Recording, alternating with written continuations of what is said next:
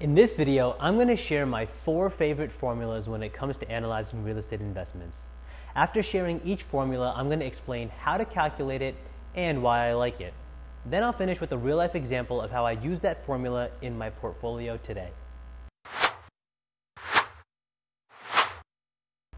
Hey friends, welcome back to the channel. If you're new here, my name is Sunny and I'm a real estate investor based in Northeast New Jersey. On this channel, I share my investing experience in an effort to help you start or grow your real estate portfolio. All right, let's dive in. Whenever a new deal hits my desk, the first thing I like to do is calculate the rent to value ratio. The formula for rent to value ratio is monthly rental income divided by purchase price or property value. Every market is different and every investor has different criteria, but in my markets of Northeast and Southwest New Jersey, I'm personally looking for an RTV of 1% or better.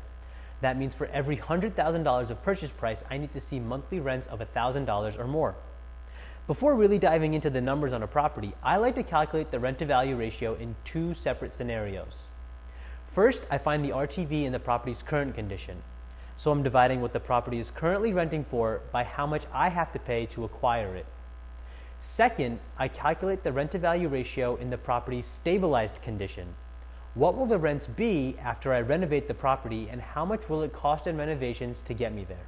Let's walk through an example using my very first BRRRR property, which is a four family home in Camden County, New Jersey. Before I bought the property, the rents were $900 per unit or $3,600 per month. We negotiated the purchase price down to $240,000. Based on those numbers, we had a rent to value ratio of 1.5%. In my pro forma, I predicted the rents would be 1250 per unit or $5,000 per month, and it would cost me roughly $160,000 in renovations and holding costs to get there. Based on those numbers, my stabilized rent to value ratio was 1.25%. Thankfully, we beat those rent numbers. The total rent roll at this property is closer to $52.50 per month, and luckily we came in right on budget. The total cost behind purchasing and renovating this property was exactly $400,000. If you're wondering how to predict rents, I use the following five tools. Rentometer, HUD User Fair Market Rent Tool, Zillow, Craigslist, and the MLS. Since the rent to value ratios in both scenarios hit my benchmark, I knew that that deal was looking into further. Now let's move on to my second favorite formula, which is commonly referred to as MAO or Max Allowable Offer. I use the Profit First method to determine my max allowable offer. If you're unfamiliar with Profit First, it's a highly recommended business book by Mike Michalowicz. Here's the TLDR. Instead of thinking about business as revenue minus expense equals profits, the Profit First method challenges you to think about business as revenue minus profit equals expense. It's a subtle but meaningful difference. Instead of having your profits dwindle down to keeping what's left after all expenses, you first determine how much you want to make in profit and then you're able to spend what is left. So here's my profit first inspired max allowable offer in action. Revenue is the after repair value or ARV for short. For profit, I shoot for 30% of ARV on rental properties or at least $100,000 on a fix and flip. Expenses include all costs incurred from acquisition to stabilization, including purchase price, closing costs, carrying costs, and renovation costs. For a rental property, my formula looks like this. MAO equals ARV times 70% minus expense.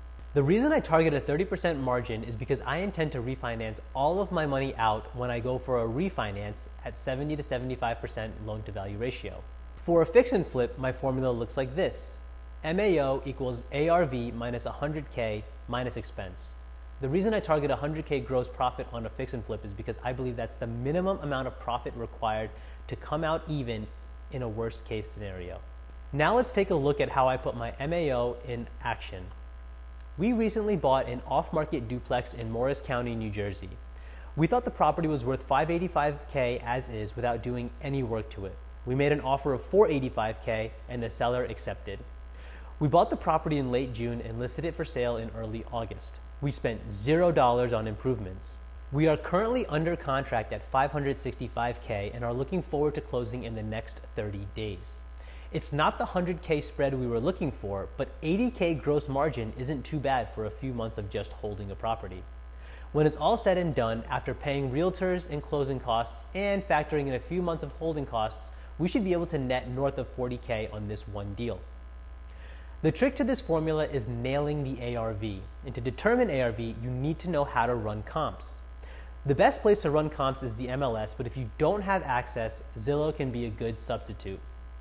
The main question you're trying to answer when running comps is what have similar properties in the immediate area sold for in the past six to nine months? The five most important details when determining comparable base value are property type, bedroom count, bathroom count, square footage, and condition. It can be really hard to find an identical recently sold comp, so you have to finagle your way into evaluation. But here are some traps that you want to avoid. First, don't compare apples and oranges. If you're buying a small multifamily property, don't compare it to a single family home. Second, don't believe value is linear. If you're buying a condo with two beds and two baths, don't just double the value of a one bed, one bath condo. And third, don't forget about the condition and finish. If you're buying a dated property, don't compare it to a new construction home unless you plan on doing a full gut renovation with similar finishes. Okay, let's move on to the most recent addition to my favorite formula list, unlevered yield on cost. I first heard this term from someone named Moses Kagan. Moses is the founder of Adaptive Realty and is kind of a huge deal in the RE Twit community on Twitter. Unlevered yield on cost is kind of like cap rate, but it tells a better story. Before I explain UYOC, let me first summarize the better known formula, cap rate. Cap rate, as you probably already know, is net operating income divided by the purchase price. Cap rate is the de facto format in which commercial properties are evaluated. A good way to think about cap rate is the income you can expect if you buy the property without debt. If a property is valued at a million dollars using a 5% cap rate, you can expect to make $50,000 in net operating income per year. Cap rate is a simple valuation metric and everyone uses it. It's a great metric for sellers because it's a reliable way to determine the value of your property. But cap rate falls short for buyers because it doesn't include the ancillary costs of purchasing, financing, or improving a property. Closing costs on a million dollar commercial property can easily add up to tens of thousands of dollars. Title insurance will probably cost 15 grand. Legal fees will probably cost another 5 grand. Getting the property appraised and inspected can cost another $10,000. This doesn't even begin to consider all of the costs associated with improving the property after you buy it. There's almost always deferred maintenance and capital improvements that need to be made. So what started as a 5% cap rate ends up being a 3 or 4% unlevered yield on cost. When we bought our four unit mixed use building in March 2021, we paid $315,000 for it. Prior to the sale, the seller provided his profit and loss statement. His rental income was $51,144 per year, and his expenses added up to $20,884 per year. That left the seller with an annualized net operating income of $30,260 per year.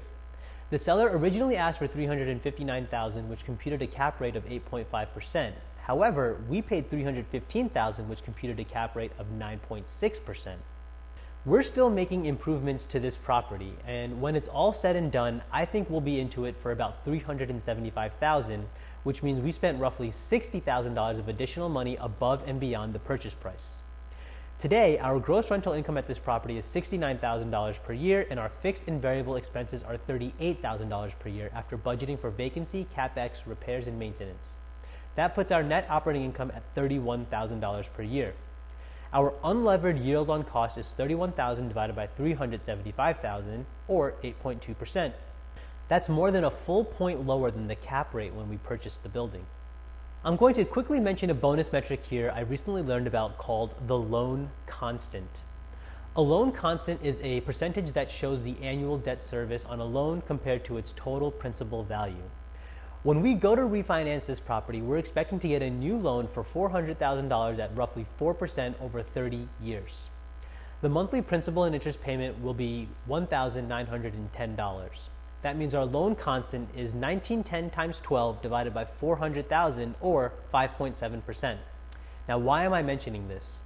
Because when you deploy capital, you want to make sure your cap rate, or in my case, unlevered yield on cost, exceeds your loan constant. Otherwise, you're going to lose money. Thankfully, this project meets that criteria as my unlevered yield on cost is 8.2% and my loan constant will be 5.7% once I refinance it into long-term fixed rate debt. My final favorite formula is return on equity. I typically don't calculate return on equity until the property is stabilized because that helps me determine if I want to keep it or not. To calculate equity, you have to know a few things. First, you have to know what your property will sell for. Second, you need to know the costs associated with the sale of the property. And third, you need to know your outstanding debts. The best way to determine what a property will sell for is to get an appraisal. I recently had a three family investment property appraised for $320,000. We would pay a realtor 5% commission to sell that property and will probably pay another 2.5% in closing costs. Finally, we currently have a loan of $215,000 on this property. So $320,000 minus $16,000 for realtor fees, $8,000 for closing costs, and $215,000 for a loan payoff leaves us with $81,000 in net equity.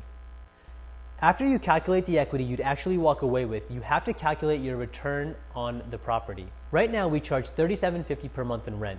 We spend $150 per month on property management, 225 on insurance, 635 on property taxes, 100 on water and sewer, 100 on the landline, and then another $100 per month on common area utilities.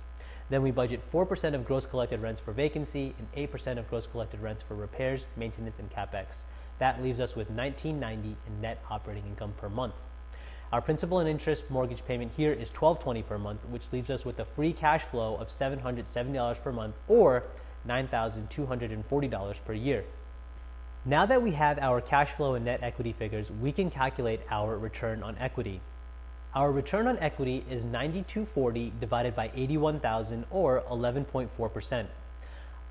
I like to keep anything above 8% return on equity. I feel kind of stupid saying that now because I actually made a video about selling this property two weeks ago. If you want to watch that video, click the card above. I had a lot of good reasons to sell the property at the time, but after talking to my mentor, I changed my mind. I'm going to keep it. Hopefully, it jumps in value again next year and my return on equity dips below 8%, at which point I'll consider selling it again. Before we leave, I do want to mention one last thing. Good real estate investments are like good books. There are far too many of them out there to acquire or read them all. So after you reach a certain point or do a couple deals, you have to look at more than just the numbers to decide which ones you're going to spend your time going after. Here are five important qualitative questions I ask myself before jumping into my next investment. First, how much of my time will this take? Second, how much risk am I taking on? Third, does this transaction fit within my broader strategy? Fourth, am I the best person to execute this transaction? In other words, what's my edge? And the fifth and final question I ask myself is if I end up losing money or not making any money on this deal, what lessons or relationships can I walk away with to make this a net positive? With that said, I'm going to drop the mic here and leave you to think on those questions. I hope you enjoyed watching this video as much as I enjoyed making it for you. If you want to watch more videos like this from me, please check out the video below. Finally, I put out a new video like this every single week, so if you haven't already, please be sure to subscribe to the channel. I don't want you to miss the next one. Alright, peace.